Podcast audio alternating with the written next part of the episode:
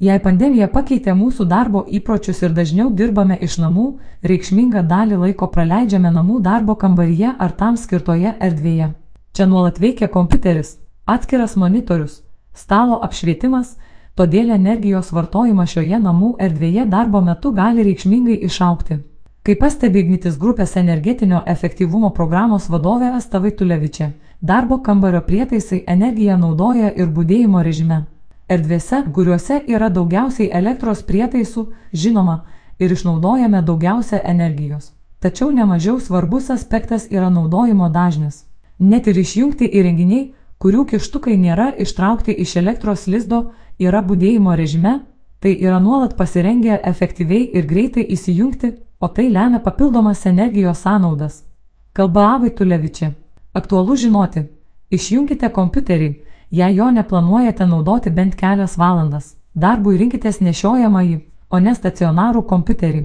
Nepiknaudžiaukite vaizdo skambučiais, nes jie generuoja santykinai didesnės CO2 emisijas, palyginti su kitomis veiklomis kompiuteriu. Dirbant prie darbo stalo rinkitės taškinį, o ne viso kambario apšvietimą.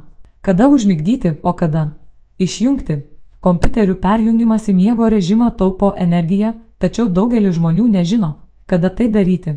Tam, kad taupytumėte energiją, verta prisiminti šiuos patarimus. Jei kompiuteriu nesinaudosite ilgiau nei 20 minučių, išjunkite jo monitorių. Jei neplanuojate naudotis juo ilgiau nei vieną valandą, įjunkite kompiuterio miego režimą.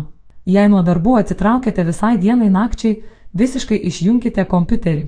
Taupyti energiją. Taigi ir pinigus bei mažinti CO2 emisijas padės ir tinkamo įrenginio pasirinkimas. Nešiojamieji kompiuteriai naudoja iki 80 procentų mažiau energijos nei stacionarūs, todėl naudodami nešiojamąjį kompiuterį sutaupysite elektros. Taip pat stenkitės pasinaudoti įrangos energijos taupimo funkcijomis, pavyzdžiui, automatinį miego būsenos nustatymą ar monitoriaus ryškumo reguliavimą atsižvelgiant į patalpos apšvietimą. Tai padės sumažinti jūsų įrangos energijos suvartojimą iki 10 procentų. Galiausiai, Taupykite energiją išjungdami prietaisus iš lizdų, kad šie pasyviai nenaudotų energijos. Kad tai padaryti būtų paprasčiau ir patogiau, darbo kambario prietaisus, kurie yra ant jūsų darbo stalo, galite įjungti į prailgintuvą su išjungimo mygtuku. Kuomet baigsite darbus ir išjungsite įrenginius, išjungkite ir prailgintuvą. Taip kambaryje neliks arba reikšmingai sumažės parengties režimu veikiančių bei energiją vartojančių prietaisų. Sąnaudos, apie kurias nepagalvojame. Viešojoje erdvėje vis daugiau kalbama apie duomenų sunaudojamą energiją ir įskiriamą CO2. Tokie įrenginiai kaip interneto maršrutizatoriai pasyviai naudoja santykinai didelį kiekį energijos. Tai reikalinga tam, kad savo telefone ar kompiuteryje galėtume be trikdžių naudotis interneto paslaugomis. Sako Avaitulevičia. Skaičiuojama, kad skaitmeninės technologijos ir jų naudojimas kasmet sukuria 1,6 milijardai tonų šiltnamio efektą sukeliančių dujų. Šis skaičius sudaro 4 procentai pasaulio CO2 išmetimo ir yra prilyginamas aviacijos industrijos sugeneruojamų emisijų kiekiui per metus.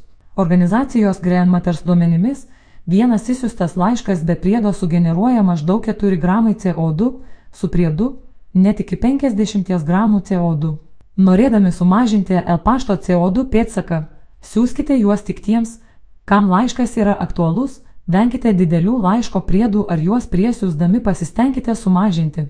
Dirbant namuose aktualūs ir nuotoliniai susitikimai. Pavyzdžiui, pirma valanda trukmės transliacija ar vaizdo konferencija gali išmesti nuo 150 iki 1000 gramų CO2. Skaičius priklauso nuo transliacijos platformos bei dalyvių skaičiaus.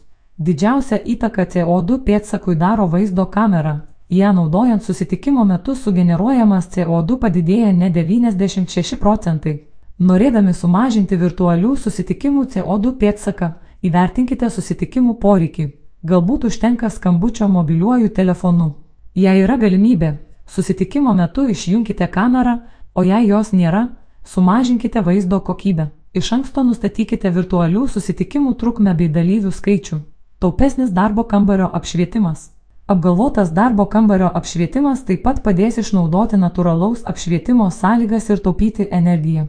Darbo vietą geriausia įrengti šalia natūralaus apšvietimo šaltinio, pavyzdžiui, lango, stoglangio ar terasos durų. Šviesiuoju paros metu turėsime užtektinai šviesos ir nereikės naudoti elektros. Darbo stalui ar kompiuterio klaviatūrai apšviesti rekomenduojama pasitelkti taškinį apšvietimą. Darbo kambaryje, kaip ir kitose namų vietose tausoti energiją padės taškinis apšvietimas. Jei dirbame prie darbo stalo, nėra jokios būtinybės, kad būtų apšviesta visa kambario erdvė. Taupančių sprendimų gali tapti paprasčiausia stalinė lempa. Pažymė Avai Tulevičia.